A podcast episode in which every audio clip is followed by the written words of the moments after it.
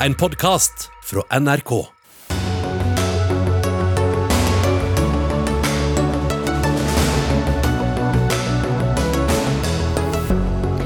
Tyrkias president mener svensk og finsk Nato-medlemskap ville vært et feilsteg.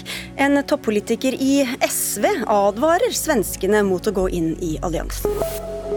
Klimamål ble til omstillingsmål da regjeringen la fram revidert nasjonalbudsjett. Det er altfor mange smutthull og bakveier, mener miljøorganisasjonen Zero.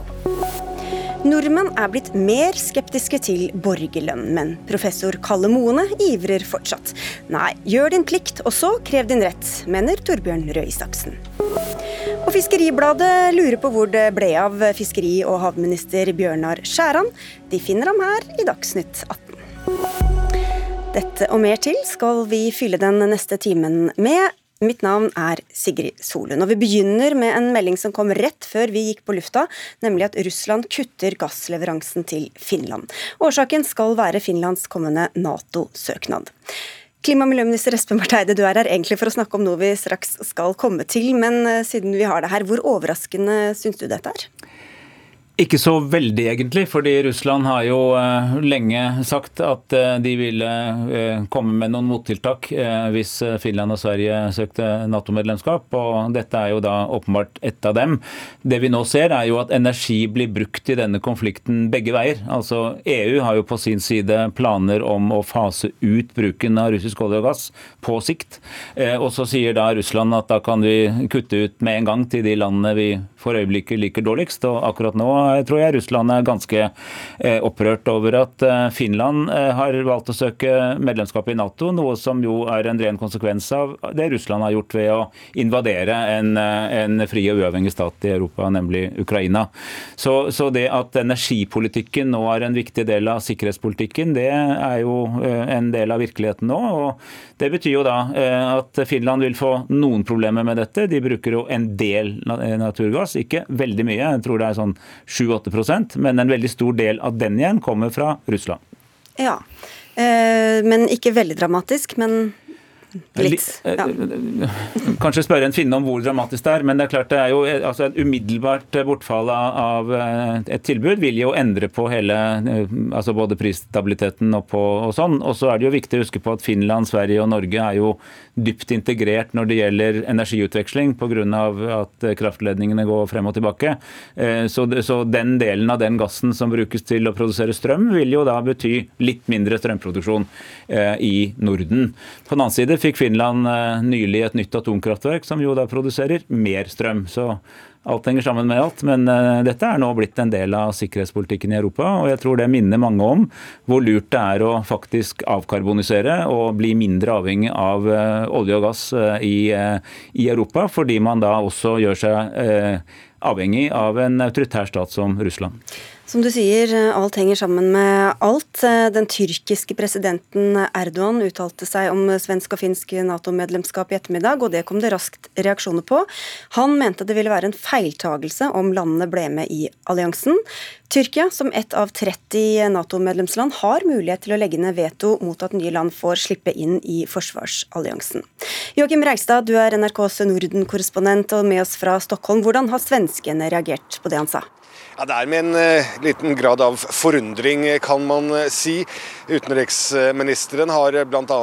Sagt at hun ikke har fått noen slike signaler på de offisielle møtene som det har vært mellom Nato-alliansen og Sverige og Finland i forkant av denne prosessen som muligens har ledet fram til en svensk og finsk Nato-søknad. Og hun avventer rett og slett situasjonen nå til hun har hatt møte med den tyrkiske utenriksministeren lederen i morgen. Blant eh, analytikere så er det mange som nå peker på at eh, dette kanskje ikke først og fremst er for å nekte Sverige eh, og Finland for så vidt også, men spesielt Sverige da tilgang til alliansen, men at Erdogan ønsker å bruke dette her som et forhandlingskort f.eks. For mot USA. Det er noen av teoriene, men, men, det er forundring over at dette kommer nå. Det kommer jo også da bare noen timer etter at Sverige hadde lagt fram sin sikkerhetspolitiske vurdering hvor rapporten går ganske langt i å anbefale et svensk Nato-medlemskap. Ja, det er jo sånn at de fleste tolker dette som et taktisk utspill. Åse Marit Befring, utenriksjournalist, påtroppende korrespondent med oss fra Istanbul. Men hvordan begrunner Erdogan det selv? Ja, Han har ikke kommet med noe begrunnelse, det har han altså ikke. Men han har jo da omtalt eh, Sverige som et gjestehus eh, for terrororganisasjoner. Eh, og det han da tenker på er PKK, det kurdiske arbeiderpartiet, eh, eh, som er terrorlistet her i eh, Tyrkia. men det finnes altså ikke noe bevis for at kurdere, som er en ganske stor gruppe i Sverige, er, har noe relasjon til eh, PKK. Men likevel, det er det han peker på. Eh, og Samtidig så sier han jo også at eh, han ikke er positiv til at Finland og Sverige blir medlemmer. Han har ikke stengt døren for medlemskap. Det er derfor mange ser på dette som et forhandlingsutspill. Men hvis han nå prøver å oppnå noe politisk, hva kan det være egentlig? Ja, én eh, ting kan være at han eh, ønsker å blidgjøre Putin. Fordi Tyrkia eh, har Russland som en veldig viktig handelspartner. De importerer 40% av gassen sin fra Russland bl.a. Og den største gruppen turister her i Tyrkia, det er russere. Og det er viktig for Tyrkia i krise. Og Samtidig så skal man ikke utelukke at, at de ønsker med dette at Sverige skal gjøre noe overfor eh, den eh, gruppe kurdere som de har i eh, landet sitt, og som har fått politisk asyl i Sverige. Hva det skulle være, det er vanskelig å kunne si noe om. Samtidig så kan dette være en måte å snakke til sine egne velgere på. fordi at hver gang Eidogan går ut mot Vesten, så blir han populær i sin egen velgergruppe. Så dette kan altså handle om noe helt annet enn at de vil stenge døren for et Nato-medlemskap for Finland og Sverige. Takk skal dere ha, Åse Marit Befring og Joakim Reigstad.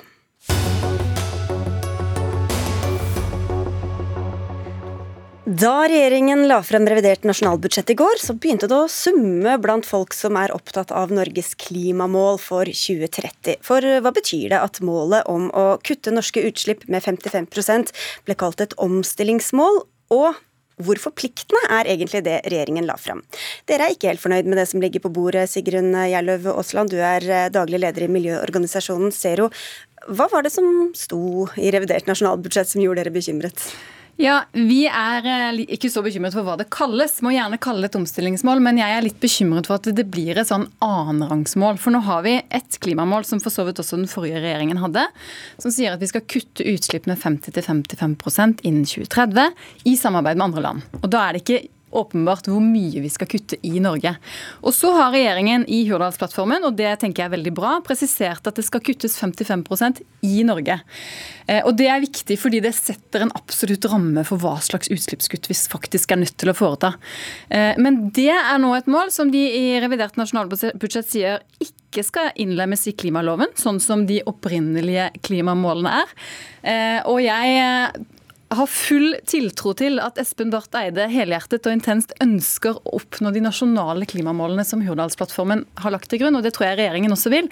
Men i reell politikk så kommer det til å være ekstremt mange tøffe kamper i regjeringen, i Stortinget, i befolkningen om hvilke klimakutt vi skal gjøre. Og når det ikke er noen absolutt ramme for hvor mye vi skal kutte i Norge, så kommer det til å blir vanskelig ja, til. Det er ikke vedtatt i Stortinget f.eks.? Dette er ikke vedtatt i Stortinget. Det er ikke noe offisielt klimamål som sier at vi skal kutte 55% i Norge.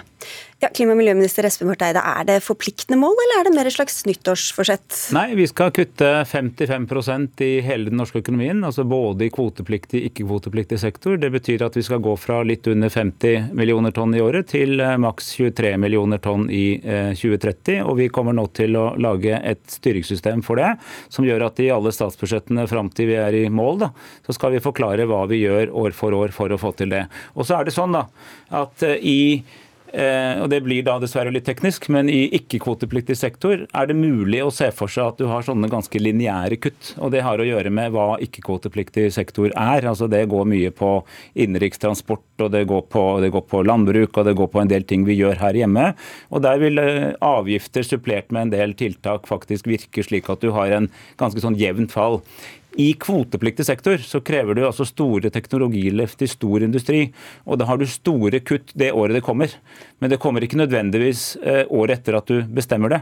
Og Derfor så må vi ha et styringssystem også for det. Og vi har satt i gang Miljødirektoratet og mitt eget departement med å lage et måte å regne på det, slik at vi faktisk når det målet. Så vi har ett mål for den norske økonomien. 55 hvorfor, i hele økonomien. Hvorfor er, ikke, hvorfor, hvorfor er, det ikke vedtatt? Hvorfor er det ikke så forpliktende ja, at man faktisk Det står det jo i eh, RNB, da. Også, det er jo viktig, det. Det kommer fra regjeringen. Men så kommer det altså i statsbudsjettene framover. Så skal vi vise hva dette betyr i praksis.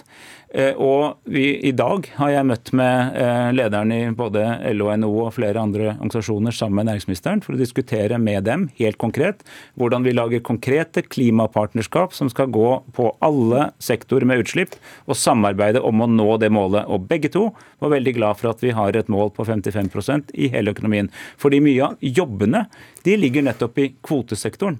Så Derfor er det viktig at vi sier at det målet vi uansett hadde om å bidra til 55 kutt til sammen, sammen med EU, også i større grad skjer i Norge det er ikke sånn at det har eh, manglet vedtatte klimamål uten at det har ført oss så veldig langt på vei heller, Aasland? Nei, og Derfor er det veldig bra at regjeringen sier de skal ha et klimabudsjett. Så vi begynner å snakke om CO2 på samme måte som vi snakker om penger. Om penger. Så når vi har brukt opp, så er det ikke mer igjen. Hvis du ikke kutter et sted, så må du kutte et annet sted. Hvis du ikke, slik regjeringen nå også sier i revidert nasjonalbudsjett, ikke vil videreføre elbilpolitikken som har virket godt fram til nå, ja da må vi gjøre noe annet. Men problemet er jo at hvis du skal ha et klimabudsjett, men du ikke har noen ramme, du vet ikke hvor mye du har å fordele, så blir det veldig vanskelig å gjennomføre det. Og jeg og alle, og jeg tror også LO og NHO er veldig glad for det nasjonale klimamålet, men når det blir vanskelig, når vanskelige valg skal foretas, så tror jeg det blir utrolig tøft å få til når det ikke foreligger noe tak på de utslippene. Desto bedre er det at vi er enige, da. Ja, men det står jo også at det ikke skal være uforholdsmessig dyrt eller uforholdsmessig ineffektivt. Det er, noe, det er vel alle egentlig enige om? Ja, det er jo alle enige, så tror jeg det vil være klokt å si her er det absolutte målet. Det har vi innfelt i klimaloven. Det har for øvrig også Danmark og Sverige gjort. Det tror jeg ville vært lurt. Og innenfor det så skal vi jo selvfølgelig velge de klimatiltakene som er mest effektive. Men det vi åpner for nå, er jo å si vi har dette målet, som du sier kanskje et nyttårsforsett, vi ønsker å nå det. Men hvis det blir for dyrt, eller hvis det blir ineffektivt, da er det ikke sikkert vi gjør det likevel. Hva er for dyrt og hva er for ineffektivt, Nei, men, egentlig, og hvem bestemmer det? Ja, altså, Det er egentlig et regnestykke. fordi at Hvis vi skal f.eks. ha ned utslippene i oljeproduksjon. Eh, Det vil veldig ofte være slik at det skjer gjennom elektrifisering. Men hvis man kommer til et bestemt anlegg hvor det er billigere f.eks. å lage et karbonfangstanlegg på den plattformen enn å elektrifisere den plattformen, så er det mye smartere å velge det billigste måten å nå målet på. Det er jo det som står, nemlig at vi skal altså ikke bruke dette på en måte hvor det liksom ikke er noen form for kostnadskontroll. Vi skal velge de rimeligste, at vi skal få mest mulig utslippskutt for minst mulig penger. Det blir dyrt uansett. Men da kan dere like gjerne kjøpe kvoter utenlands, da? Nei, fordi at vi mener og, og, og, Ja og nei. fordi hvis Norge bidrar til 55% kutt, så er det i og for seg det samme for atmosfæren om det skjer i Tyskland og Danmark eller i Norge, hvis det er finansiert av Norge. Men det er ikke det samme for norsk industri. fordi at det, det, det er veldig lite smart at vi skal bruke pengene på innovasjon i andre land som vi av og til konkurrerer med, istedenfor innovasjon i Norge. Og Det er derfor vi har ønsket å si at vi vil ha et mål for hele økonomien, ikke bare halve økonomien som vi hadde før. Og vi mener at kvotesystemet er en god hjelper, men du trenger tilleggsvirkemidler. Eh, og Derfor insisterer vi på det. Du må ha tilleggsvirkemidler oppå kvotesystemet. Og Derfor setter vi dette målet så tydelig, 55% i hele den norske økonomien. Stoler du ikke på det, Aasland? Jeg stoler på at regjeringen ønsker å nå dette målet. Men jeg vet at, og Espen Barth Eide, som har vært i regjering mange ganger, vet også at når det kommer til tøffe forhandlinger, så er det forskjell på det som står i loven og det som står i en regjeringsplattform. Eh, og nettopp det eksempelet er det et elektrifiseringsprosjekt som er ekstremt dyrt, og det finnes noe annet vi kan gjøre i Norge for å kutte utslipp, så er det jo en kjempefordel å ha et absolutt nasjonalt mål, og så kan man velge å gjøre noe annet i stedet for. Ja. Det, er kanskje, det er jo mange forskjellige typer mål vi snakker om her, som er litt vanskelig å følge med på, kanskje. Elin eh, Lerum Boasson, du er forsker ved CICERO og professor ved Universitetet i Oslo. Som vi var inne på, Norge har satt seg mange mål i klimapolitikken, men foreløpig ikke nådd eh, noen av dem. Hvorfor har vi disse diskusjonene gang på gang? Ja, Det er ikke riktig at Norge ikke har nådd noen av målene våre. Vi har nådd de målene vi har meldt inn internasjonalt. Eh, men vi har ikke nådd mål som er, har en litt uklar status, akkurat som dette målet. Eh, så det er, jo en av de tingene som ligger bak at det blir bekymring her. Men vi vet jo fra mange politikkområder og forskning på mange, altså statsvitenskapelig forskning, at det er, eh, kan skje at det å ha et, mål som høres ambisiøst ut, er noe man gjør hvis man ikke får til handling. At målet eh, høres bra ut, og dermed så blir det mindre drive på handlingen. Hvordan kan det henge sammen? Nei, det, det, er et skille mellom hva man sier og hva man gjør. Eh, og denne meldingen gir jo noen signaler i den retningen, siden det, altså dette målet som vi snakker om, er kjempeambisiøst. Det, inn, det, det er innlandsmålet. Det er 55 kutt. At vi skal få ned utslippene med 23 altså, Det er altså så vanvittig ambisiøst eh, mål, og vi må kutte utslippene hvert år mer enn det vi har gjort hittil fra 1990. Uh, og da blir det en litt sånn dissonans da, med at det er, dette målet står der, pluss noen setninger som vanner det litt ut. Eh, og så er det ikke eh, tegn på de virkemidlene. Men det man ønsker med mål, og det som jeg er helt sikker på at denne miljøvernministeren og alle andre miljøvernministre de vil jo at målene skal styre, eh, og at man skal styre etter det. Og jeg er helt sikker på at det har vært konflikter nå, i hvert fall det som jeg har forsket på har vært konflikter før, Det er alltid miljøvernministeren vil ha så bindende mål som mulig. Men nå er jo dette her som vi snakker om, nå er noe som har kommet i en melding fra Finansdepartementet. Eh, så det er, jo, det er, jo, noe som Finansdepartementet har skrevet. Og Finansdepartementet det er det mektigste departementet vi har, det. Eh, og det er ikke lett å kjempe mot de. Og vi kan jo håpe på at det er videre prosesser i regjeringen. Eh, og det skal komme nye stortingsmeldinger også fra Espen Barth Eide sitt eget departement. Men, men, hva, men da, jeg, jeg må jo nesten få lov å si, ja, ja. unnskyld programleder, at eh, altså, revidert nasjonalbudsjett er hele regjeringens dokument. Det, ligger, det, det legges alltid fram av Finansdepartementet. Det er, det er, sånn vi styrer her i landet. Men det er ikke slik at de sitter og skriver dette på egen hånd. Dette blir vi enige om i regjeringen, som andre dokumenter regjeringen legger fram. Og det har vært jobbet veldig grundig med det, fordi det vi, det vi gjør, som den forrige regjeringen ikke gjorde, var å sette et mål også for kvotepliktig sektor, som vi da skal supplere med virkemidler for å nå de målene, også i kvotepliktig sektor, i samarbeid med partene. Det er helt riktig som, eh, som Boasson Hagen sier, dette er et veldig ambisiøst mål. Det er det mest ambisiøse målet vi noen gang har hatt. Men det er også en større klimakrise enn vi noen gang har hatt. Og vi ser også at de landene vi samarbeider med ute i Europa, setter seg akkurat det samme målet. Så vi mener at det betyr jo at når norsk aluminiumsindustri renser opp i sine utslipp, så får de flere kontrakter i et Tyskland som vil ha okay. lavere utslipp i produksjonen. Men jeg skulle ha, hadde flere jeg spørsmål til forskeren her. Jeg skjønner. Fordi Hvis det nå danner seg et inntrykk av at dette er eh, litt lite forpliktende, dette, dette målet Det ble også sådd en viss tvil for en stund siden da Senterpartiets Marit Arnstad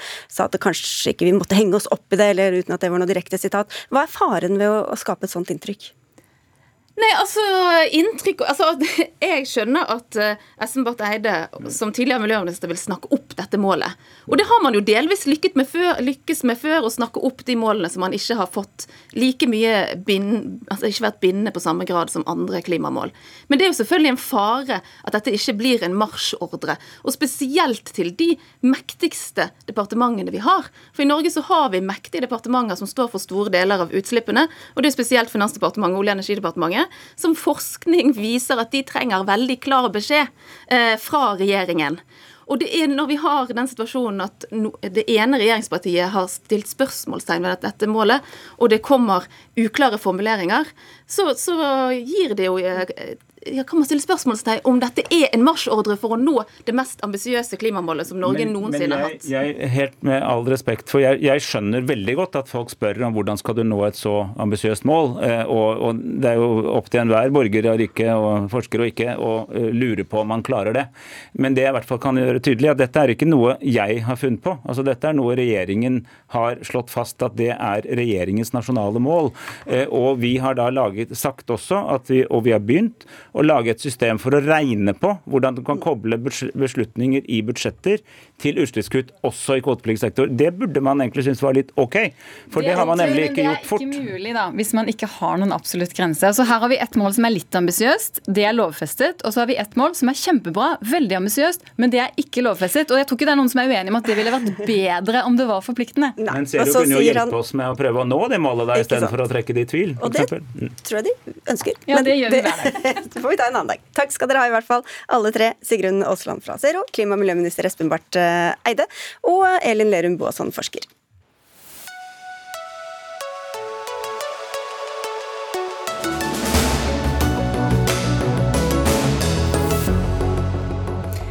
I morgen er det Eurovision-finale i Torino i Italia. Og med opp mot 200 millioner seere eh, årlig, så regnes dette altså som en av verdens største sang- og låtskriverkonkurranser.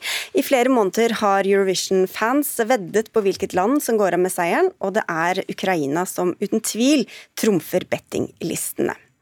Cato Hansen, du er Eurovision-historiker og forfatter, og du skriver i Aftenposten at hvis Ukraina vinner i morgen, så vil det markere det du kaller politikkens endelige triumf over musikken i Eurovision. Men hva har egentlig endret seg? Altså Det som har endra seg siden sist vi var i en sånn situasjon, i 1993, da var det jo Bosnia som eh, ble invadert av en stor nabo i øst.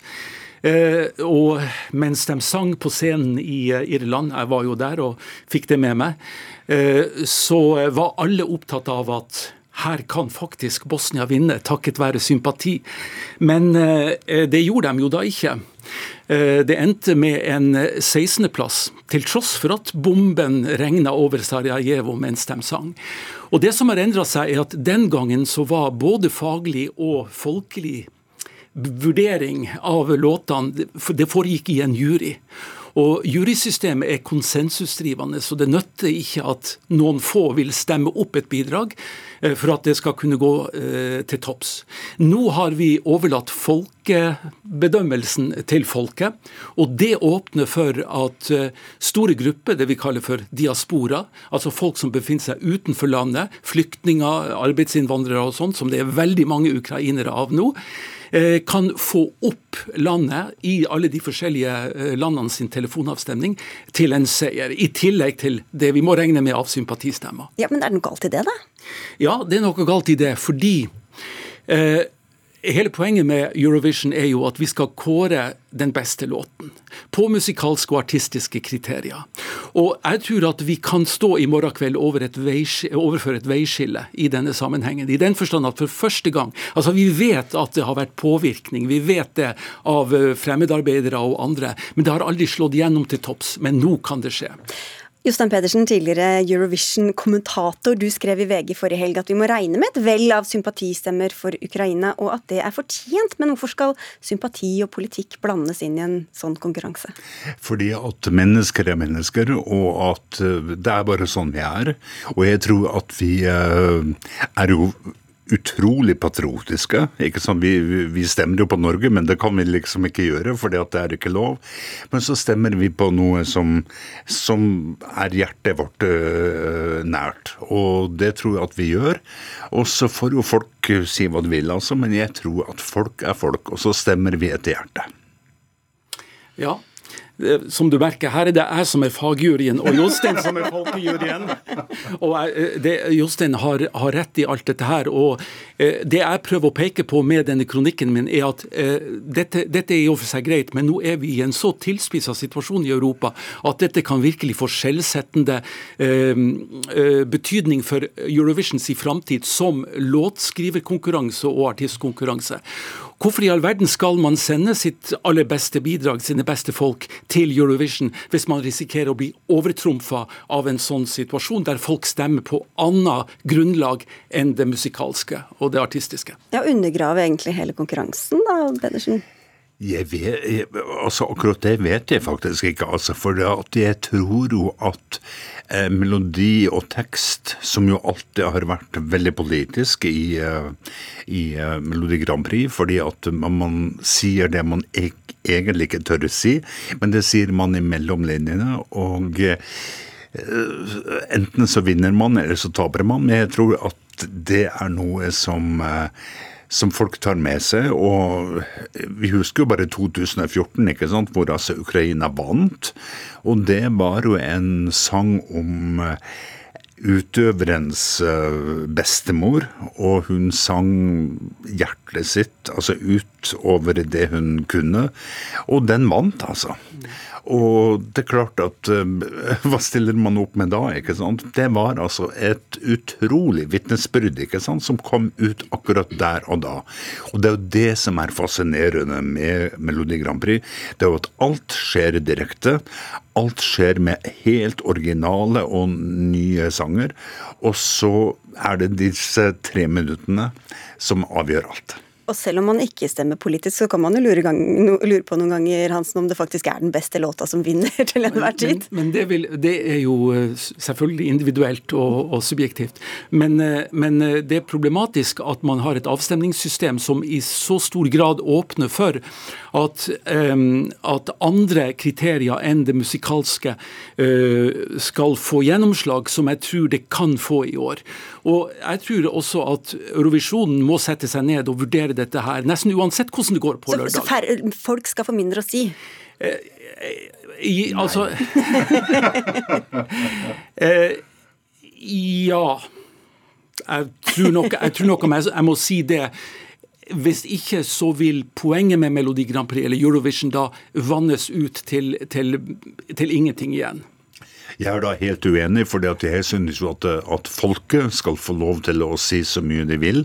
Og det er klart med dagens teknologi og med alt som hører til, altså det er Hva heter det da? Det heter jo app og det heter uh, SMS, SMS og alt mulig sånt noe, så er det jo folkets mening. Og hva sier folkejuryen? Hvem vinner i morgen?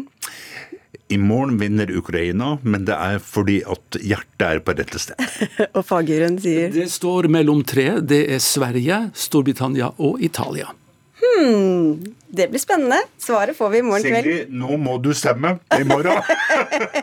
jeg, jeg, jeg, er nøytral, kan ikke stemme på noen. Takk skal dere ha, begge to. Okay.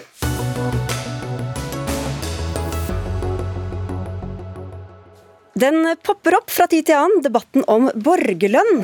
Er det en god idé at eh, alle innbyggere bør være garantert en fast minsteinntekt, uavhengig av om de jobber eller ikke? Nå er det færre nordmenn som synes det høres lurt ut enn før. For snaut 20 år siden var 66% av oss positive til konseptet. Nå er tallet nesten halvert, ifølge studier fra dere. Ann Helen Bay, du er professor i statsvitenskap ved Oslo OsloMet.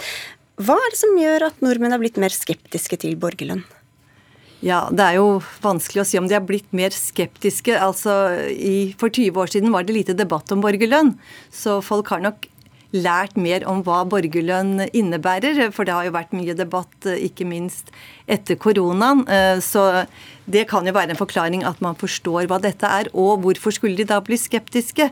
Eh, altså Det en rekke undersøkelser viser, er at Eh, vi nordmenn er veldig glad i de velferdsordningene vi har. Eh, så det kan jo hende at når man hører om en eh, kontantstøtte, eller altså en inntekt som skal gå til alle uten motytelser, at man da blir redd for at dette kanskje kommer til å gå på bekostning av velferdstjenester og andre trygdeordninger, da. Hvor kommer ideen om borgerlønn fra? Ja, Den kommer, altså den stammer fra en ja, en politisk aktivist og filosof på 1700-tallet som foreslo at man skulle innføre eh, en slags grunnrente, en borgerlønn, til alle innbyggerne. Eh, og dette har jo vært et argument som har vært mye fremme i diskusjonen om å bekjempe fattigdom. Og da er det kanskje mange som tror at dette er noe som tilhører venstresida, men sånn er det ikke nødvendigvis? Ikke nødvendigvis. Vi, altså vi, eh, jeg har sammen med en kollega nettopp studert eh, holdning til ulike velferdsordninger, deriblant borgerlønn. Og eh, det er veldig få forskjeller på høyre- og venstresiden når det gjelder synet på de mer sånn tradisjonelle velferdsordningene våre. Vi finner en viss forskjell når det gjelder syn på borgerlønn. Venstresiden er litt mer positive, men ikke mye. Du sa det selv, det har kanskje ikke vært så mye kunnskap om det. Er det så mange som vet hva det går ut på, og i tillegg har gjort seg opp en mening at dette egentlig er representativt, det dere har funnet? Det er det vanskelig å si, men uh, i disse undersøkelsene, og bl.a. i denne europeiske som vi baserte oss på uh, i en av artiklene, så forteller man jo på et vis hva det er. Så det, det er jo kanskje altså en spontan reaksjon på en idé, da. Så, så sånn sett, og i og med at den også har forandret seg over tid, den varierer mellom land, så tror jeg nok at vi kan feste lit til at det ligger noe substans i det. Eh, vi finner f.eks. at i land hvor det er dårlig utbygde velferdsstater, og hvor fattigdommen er høy, der er folk mye mer begeistret for en borgerlønn enn f.eks. i Norge, hvor vi er aller minst begeistret i dette eh, internasjonale materialet. Det tyder på at det er en viss substans i holdningene, da. Men du er begeistret, eh, Kalle Mone, professor ved Økonomisk institutt, Universitetet i Oslo. Men eh, jeg syns det er en god idé, og det er gode argumenter for det. Mine egne holdninger er de antagelig det minst interessante, men, men ideen er jo viktig, argumentene for det er viktig. Og da jeg tror jeg Det første en bør gjøre, er å få et riktig navn.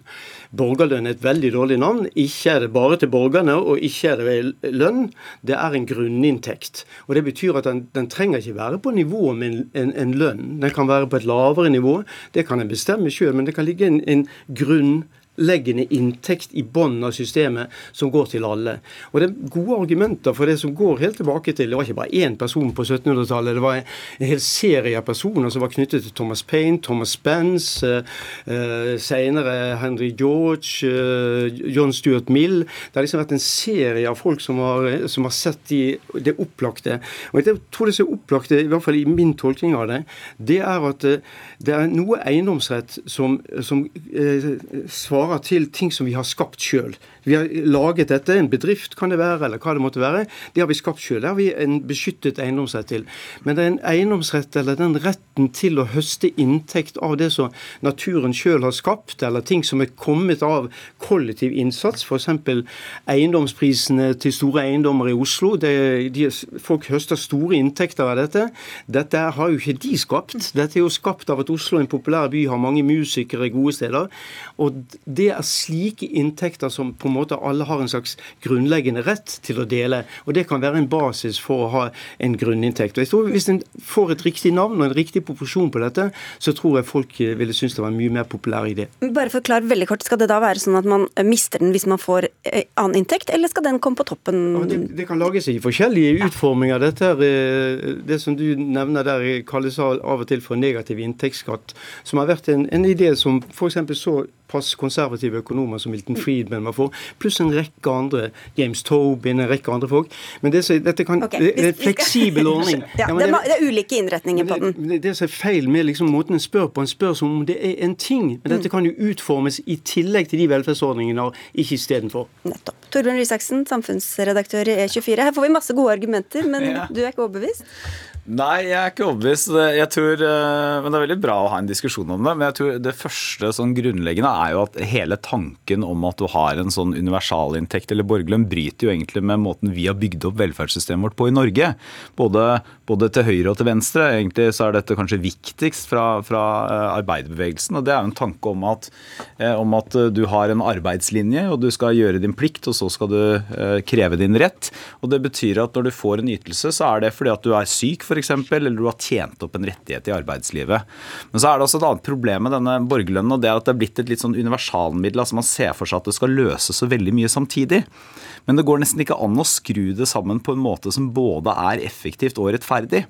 Jeg kan godt utbrodere det men veldig enkelt. altså eh, hvis du lager en borgerlønn som er, skal være veldig effektiv, det er noen som sier at dette kan erstatte alle andre ordninger, og så kan vi slippe masse byråkrati. Men det vil jo bety at uh, eh, f.eks. en ufør som har tjent opp en, en moderat, men da grei uførepensjon, sannsynligvis vil gå drastisk ned i inntekt. Ellers må du da sette denne borgerlønnen såpass høyt at ingen som går på nytelse i dag, går ned. Og da vil den jo være så høy at, at ja, si, hvis du får 300 000 eh, som 20-åring uten å måtte jobbe, så kan det hende at færre vil jobbe, for å si det forsiktig. Jeg ville tenke på en annen måte på disse tingene. At, at For det første ville jeg begynt mer forsiktig. Jeg ville begynt med en, en grunninntekt på la oss si 100 000 i, et land som Norge, eller 80 000 der omkring. Det vil være en inntekt som alle har. Under det faller du aldri. Og Det er ikke sånn at demokratiet skal oppheves etter at det er innført en grunninntekt. Da kan en stemme for velferdsordninger akkurat som ja, for før. Da skal ikke det være stedet for sosialstønad, f.eks.? Folk sier at, at dette kommer, og så, og så plutselig så skal ikke politiske prosesser gjelde lenger. Det er klart vi skal ha en, en velferdsstat i tillegg. Det skal være noe som komplementerer de ordningene en har. Eh, det tror jeg er tankegangen, og en fornuftig tankegang. Bare ta det som, som um, Kalle Mone sa først her, Isaksen. Hvis man ser på det på en annen måte, hvis man ser mm. for seg at alle er født med en mm. bit av kaka, eh, naturressurser eller andre ja. ting som vi egentlig skal, eh, skal forvalte ja, sammen. Og, og det mener jeg er et helt rimelig utgangspunkt. Altså, som, som, et land og som et fellesskap så er det ikke sånn at altså, Det er ting vi eier i fellesskap, og alle har en del rett til som borgere av Norge en del av den felleskaka. Eh, men så har vi nå likevel rigget velferdssystemet vårt sånn at eh, hvis du skal kvalifisere til ordninger, så er du enten er du syk eller du har mistet jobben, eller det er nødhjelp som sosialhjelpen er. Men så, så, kan jeg si til Kalle Mone, som, som, jeg har diskutert dette med før også, at jeg tror også det kan være situasjoner i det veldig kompliserte velferdssystemet vårt hvor man kunne forenklet mye ved å gi folk en slags sånn standardpakke istedenfor å dra dem gjennom mye rart. Men, men hvis, men bare for å følge opp litt, ehm, de som du nevner også, da, som får enten det er uføretrygd eller sosialstønad, tror du ikke det også kunne gjort noe med følelsen av å ikke være få almisser, men å rett og slett få det man eh, har krav på i utgangspunktet? Uh, Tja, vil jeg si. Og ikke bli sett altså, ned på, kanskje, ja, men tja, vil jeg si, for jeg, eh, det, det, kan godt hende. Men problemet her er at nå er det mange forskjellige modeller. Men for de som sier at en borgerlønn vil være veldig effektivt og kunne fjerne masse byråkrati fordi vi kan ha én felles ytelse for alle. Så må det bety at da vil en student og en ufør få det samme, f.eks. Det vil jo, eh, litt avhengig av hvor du setter den, være veldig bra for studenten og veldig dårlig for veldig mange uføre. Og et veldig urettferdig system, syns jeg. Og så tror jeg også for mange, da, hvis man skal forsøke å forstå disse tallene litt, så tror jeg jo det sitter veldig dypt i mange nettopp det som er utgangspunktet for vår velferdsmodell. Og det er at du skal ikke ha en ytelse uten å, uten å fortjene det eller å ha gjort noe for den. Så vi skal ha rause ytelser for de som er syke eller for de som, som er fattige og er i nød. Men, men, men, eh, hvis du bare ikke har lyst til å jobbe, så bør kanskje ikke staten finansiere det. Kalle Ja, altså, jeg tror Under pandemien så så vi en, en avart av eh, borgerlønn. og Da er det riktig navn, borgerlønn. For det var, det var en, en, eiertrygd til kapitaleiere i Norge. Det var trygd på alle, det skulle ikke rammes av noe som helst. Det var gitt uh, universelt, enten en trengte det eller ikke. Uh, da var det liksom i orden. Det samme også Arbeiderbevegelsen hadde en tradisjonelt Før, før 1930 så hadde arbeiderbevegelsen en, en holdning til at alle, alle velferdsstatsordninger skulle være ta for de rike og gi til de fattige. Universalismen kom etter etter andre verdenskrig, når de skjønte at det var mye mer populært å ha ordninger som gikk til alle. Barnetrygd til alle, enten du var rik eller fattig. Og, og en, en, grunninntekt er som en barnetrygd for voksne. Det er liksom en, er en, start på en måte på året som får til alle. Selvfølgelig skal en uføretrygdet ha noe i tillegg. Det trenger ikke være en grunninntekt til å leve Så det er ikke byråkratiet f.eks. et argument for deg, da? Byråkratiet kan være ett argument. Det, det er mange argumenter. Men det blir ikke det hvis du skal ha masse ordninger oppå hverandre? Selvfølelsen. Og jeg mener det at hvis en ser etter, etter det, noe jeg kaller for fellesinntekten i et samfunn, det er en veldig høy inntekt som er skapt av av at vi holder fred med hverandre. Vi har ikke mange streiker, vi har ikke mye sosiale konflikter. Vi har tillit til hverandre. Dette skaper verdier, men det er alle som skaper verdier. I dag fordeler vi det i mye sterkere grad etter hvor lenge du går på skole, hvor mye eh, kapital du har investert. Og de som har verken kapital investert eller gått lenge på skole, faller utenfor. To, to ting. og Det ene er at jeg antar at disse 80 000 ikke skal gå til folk som har lønna arbeid, f.eks. Det var forskjellige innretninger. Ja, men, men, det ville jo være litt meningsløst. At staten skal bare dele ut 80 000 kroner til alle som er i lønn i Norge. Det, da kan man jo eventuelt gjøre det på andre måter. Det andre er at jeg er enig i dette poenget med liksom, fellesinntekter og at vi, vi, alle som borgere har rett til noe. Men, men vi får jo det. Altså, vi, vi, får jo veldig mye ved å bo i et samfunn. Eh, så det er jo ikke sånn at disse pengene blir borte bare fordi at vi ikke har dem som borgerlønn. Dette er skolene våre, helsevesenet vårt, veiene våre, forsvaret vårt, alle fellesgodene vi har i et samfunn. Og som vi betaler skatt for også. Jeg tror det er viktig at, at dette kan utformes på mange forskjellige måter. Det som jeg er mest tilhenger som personlig, det er at, at ethvert land, inklusiv Norge, forplikter seg til å gi en, en, bestemt prosent av inntekten. Det skal gå til alle. Det er liksom en, en grunninntekt til alle. Det, det får uh, Røe Isaksen, det får jeg, det får, det får vi alle. Uansett inntekt. Uansett om du jobber eller ikke, det ligger i bunnen av systemet. Og Dette kan på en, innføres på en sånn måte at det gjøres samtidig som en innfører ting som i dag er upopulære skatter, f.eks. av miljøavgifter osv., slik at du har sukra pillen på det som er nødvendig å innføre.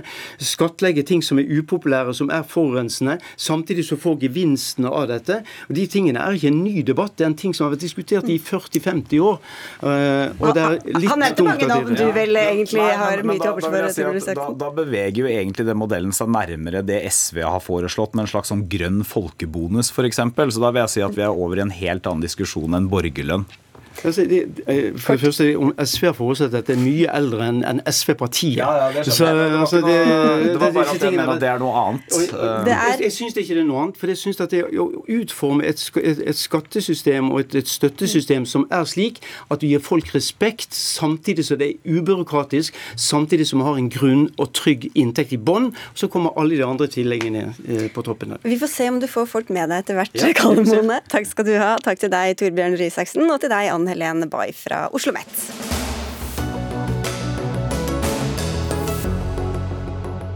Har noen sett eh, Bjørnar Skjæran?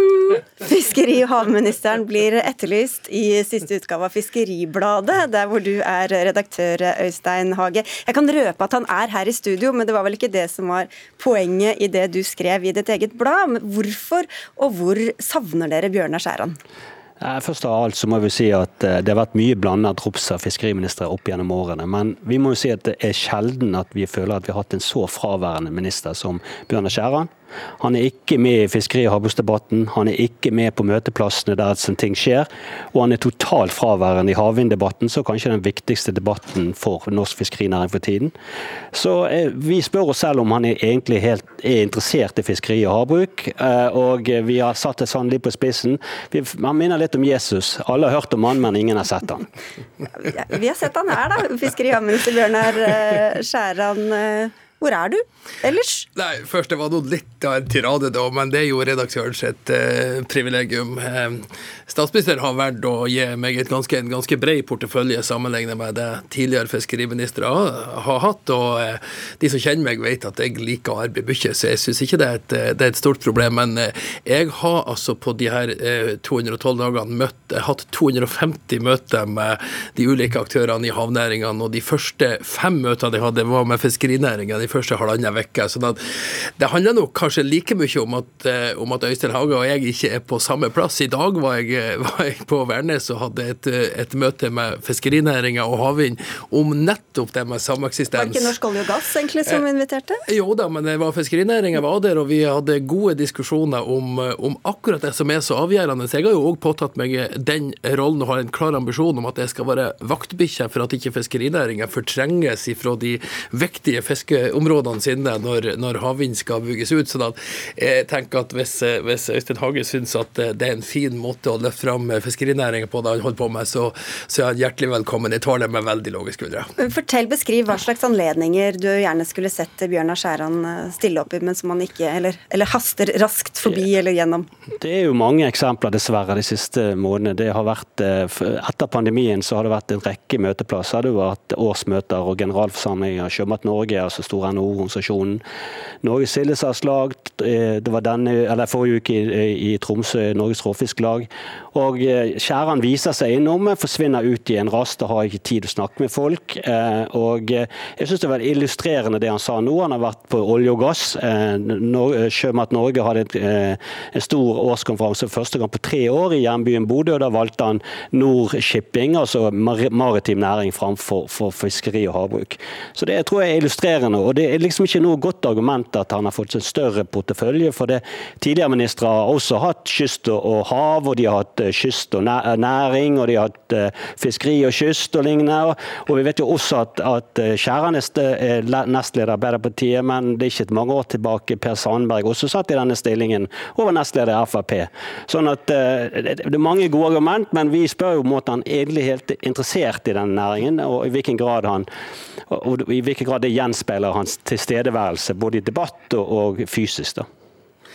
Jeg tror jo først og fremst at det er resultatene som teller. Og så har jeg veldig godt samarbeid med fiskerinæringa. Nå holder vi på med en ny kvotemelding. Den skal være, den skal være godt forankra i næringa. Derfor har vi gode møter med næringa hele tida. Og, så tenker jeg at, eh, at, den formen som Øystein Hage har, har, lagt seg på, det får nå være hans valg. Jeg tror at det er mange andre måter å løfte fram denne fantastiske næringa, den største eksportnæringa vår utenom olje og gass. Og det, det bruker jeg masse tid på. sånn at men du rekker jo ikke, altså Hvis jeg spør deg hvem er det du snakker med, så vil du sikkert si at jeg snakker med alle, men det kan du jo ikke. Og du har jo en stor portefølje, i tillegg til at du er nestleder i Arbeiderpartiet. Så når du prioriterer som du må, hva er det du prioriterer opp?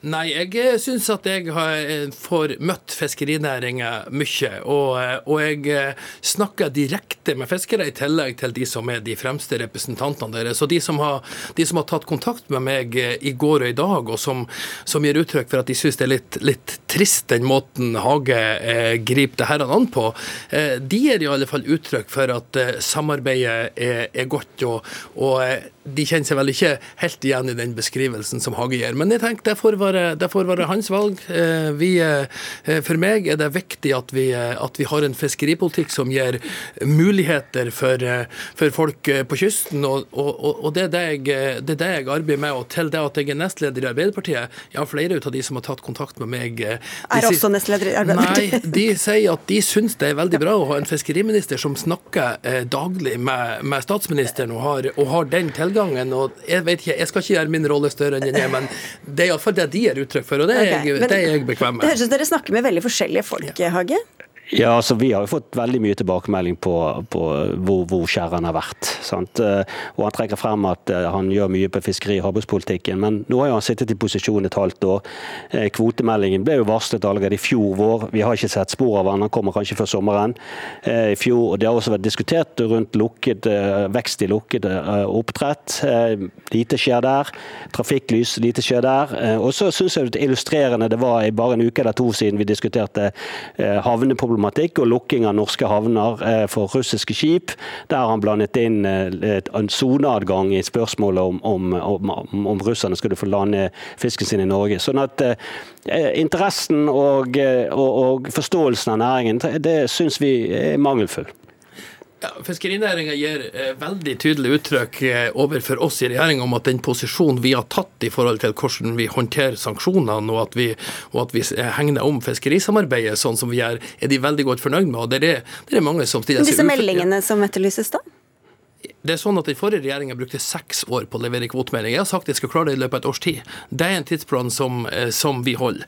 Eh, vi jobber nå med, med, eh, det som handler om den auksjonen som skal være i løpet av året. Den kommer som tidligere år for å, for å legge til rette for vekst i, i havbruksnæringa. Det er bra at Hage er, er utålmodig, men jeg tenker det må nå være, være, grenser. Og så har han lagt, har han lagt en, en, stil som gjør at jeg faktisk må gi beskjed til, til uh, ungdommene i huset om at de ikke må lese eh, kommentarfeltet eh, til, eh, til Fiskeribladet. Og det tenker jeg at det kan kanskje Hage tenke seg litt om, om at han er stolt av.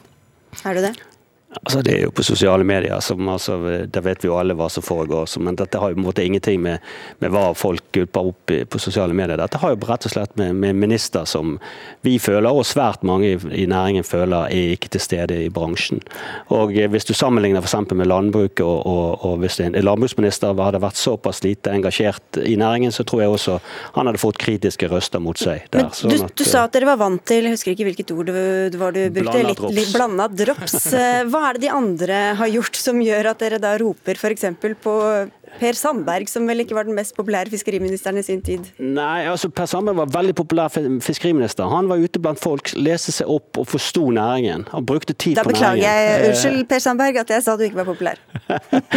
og den forrige ministeren, Odd Emil Ingebrigtsen, eh, kunne kanskje ikke så veldig mye om, sjømat, men han åpnet døren og møtte folk og var til stede. Sant? Og, og eh, det er måte, det punktet der vi føler og, sant? og Vi som presse eh, merker jo også akkurat det samme som de fleste andre norske medier, at det er vanskelig tilgjengelig.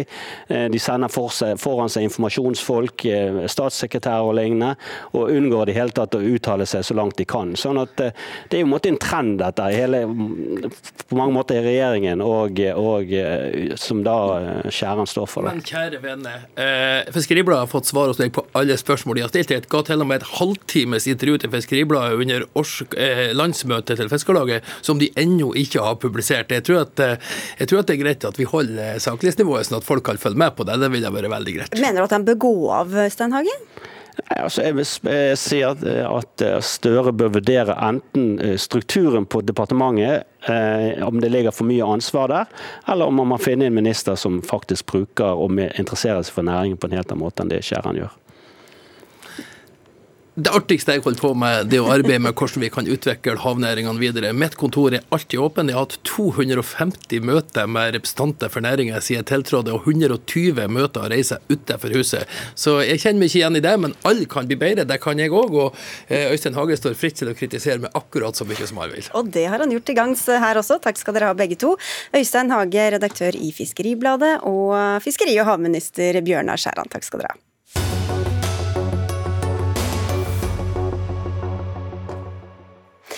I dag kunne lesere av svenske Aftonbladet få norske innspill til hvordan et eventuelt svensk Nato-medlemskap kan påvirke landet. De kunne bl.a. lese at citat, Sverige risikerer å miste handlingsrom når det gjelder egne sikkerhetspolitiske interesser, akkurat som Norge har gjort. Det var Ingrid Fiskå, som sitter i utenriks- og forsvarskomiteen på Stortinget for SV, som skrev debattinnlegget, som har fått mye oppmerksomhet og kritikk både fra Høyre, Venstre, MDG og Arbeiderpartiet. Vi håper å få kontakt med Fiskå nå veldig snart. Bare få en kort kommentar fra deg, Snorre Valen. Du er ansvarlig redaktør i Trønderdebatt og kjenner SV godt. Hvor, eh, hva slags reaksjoner får dette internt i SV, egentlig?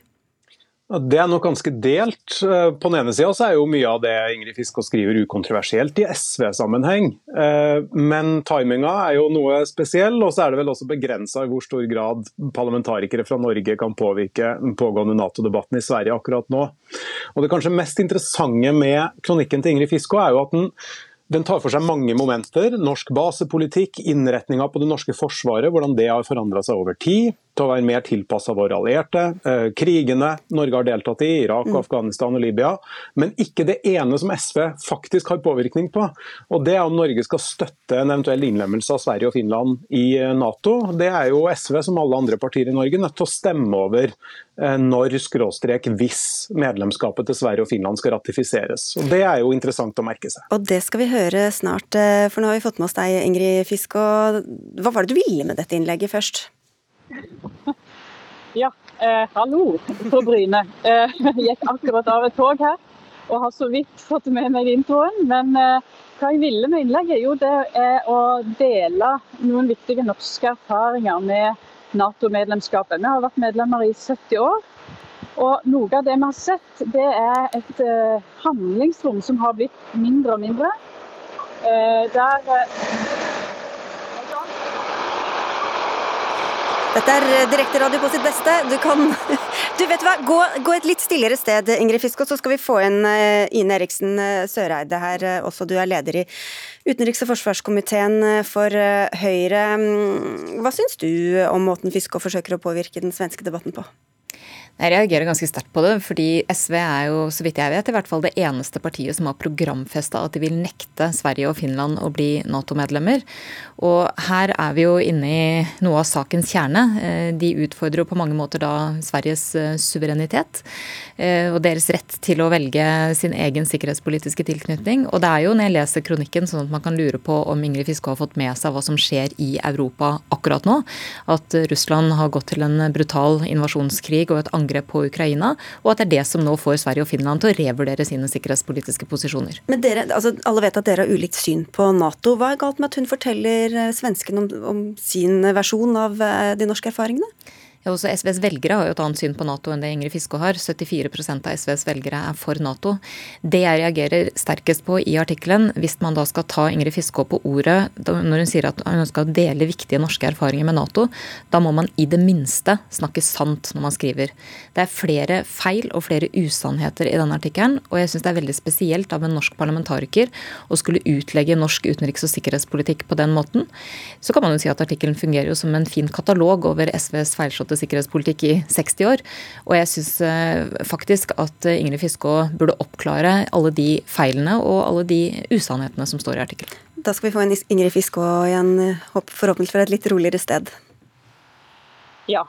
Uh, nå sier jo uh, Eriksen Søreide at det er masse feil, men hun sier ikke hva som er feil. Det kan jeg gjerne. Det som er poenget med denne, denne artikkelen som jeg har skrevet, det er jo å nyansere bildet av det norske Nato-medlemskapet. Det er ingen, tror jeg, som ikke har fått med seg både at Høyre er uh, ivrige etter å få Sverige med som eh, Nato-medlemmer, og, og bare har positive ting å si om Nato. Men det mangler både i norsk og i svensk debatt Eh, et mer nyansert bilde av den måten Nato innskrenker norsk handlingsrom. Vi har sett en eh, glidende utvikling over tid, over disse 70 åra, der eh, Norge nå er kommet dit hen at vi tillater amerikanske baser på norsk jord, f.eks. Vi har flere kriger som vi har deltatt i, som i stor grad har blitt begrunnet med at vi skal vise oss som en Nato-lojal alliert Eh, og Det var jo oppsummeringa etter krigen i Afghanistan f.eks. At det eneste målet vi oppnådde av de offisielle målene med den krigen, det var å vise oss som en eh, god Nato-alliert. Og Da har vi beveget oss ganske langt vekk fra det som var utgangspunktet den gangen Norge ble Nato-medlem.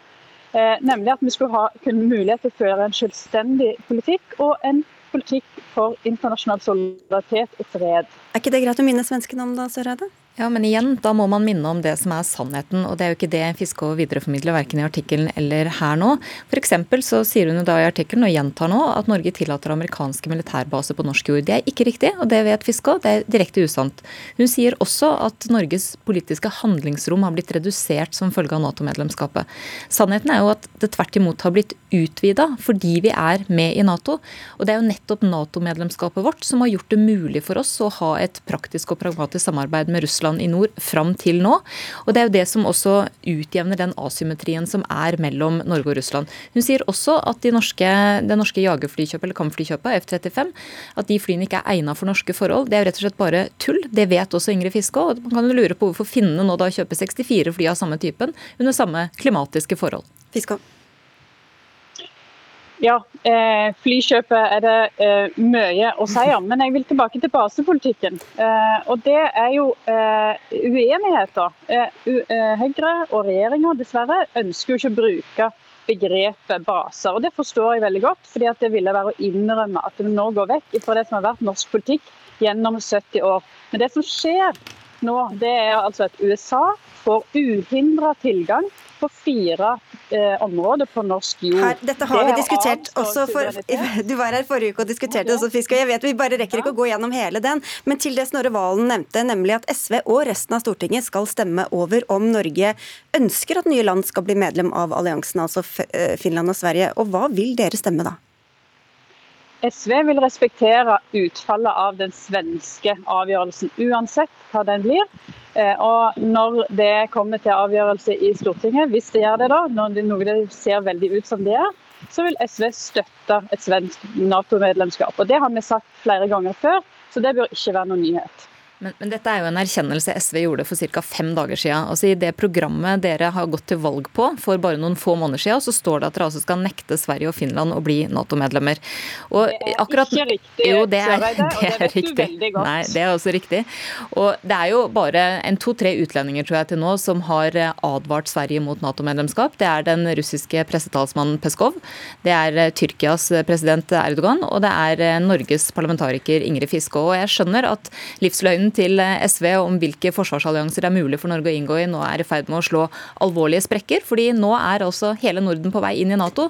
Da står SV okay. ribba igjen. Du, 20 sekunder om det fellesskapet der, Fiskå. Ja, Det Høyre glemmer å fortelle her, det er jo at det er en debatt i Sverige. Og det er ulike syn òg i Sverige. Vårt svenske søsterparti, Venstrepartiet, markerer seg jo nå tydelig for eh, å si nei til Nato-medlemskap og for å ha en folkeavstemning, noe som alle andre partier dessverre går imot, fordi de ikke ønsker tror jeg, denne det kun, åpne det Partier, det er kun to partier i Sverige som har markert seg imot. Alle de andre har blitt enige om å gå inn okay. i Nato. Du, helt på tampen her, Snorre Valen. Det vi hører, er det, er det, et linjeskift fra SV når de nå vil gå inn for uansett eh, hva Sverige går inn for, da, som jo er å søke seg til Nato? Eh, det er, eh, det er, vel mer en erkjennelse av realitetene. Altså, Sverige har eh, åpenbart et behov for å søke Nato-medlemskap fordi de sjøl opplever at det står noe på spill. Og Da er det vanskelig å sitte i Norge og si at nei, det trenger dere ikke. Eh, og så er det jo riktig som Eriksen Søreide sier at i SVs program heter det at man ikke vil utvide Nato østover, og Sverige ligger noe vitterlig østover. Okay. Det som hadde vært interessant å høre mer om, var jo synet på nordiske samarbeid som kan oppstå i Nato. Åh, det gleder vi oss til å høre mer om en annen dag. Takk skal dere ha alle sammen. Line Forsmo, Eli Kyrkjebø og Sigrid Solund ønsker god helg.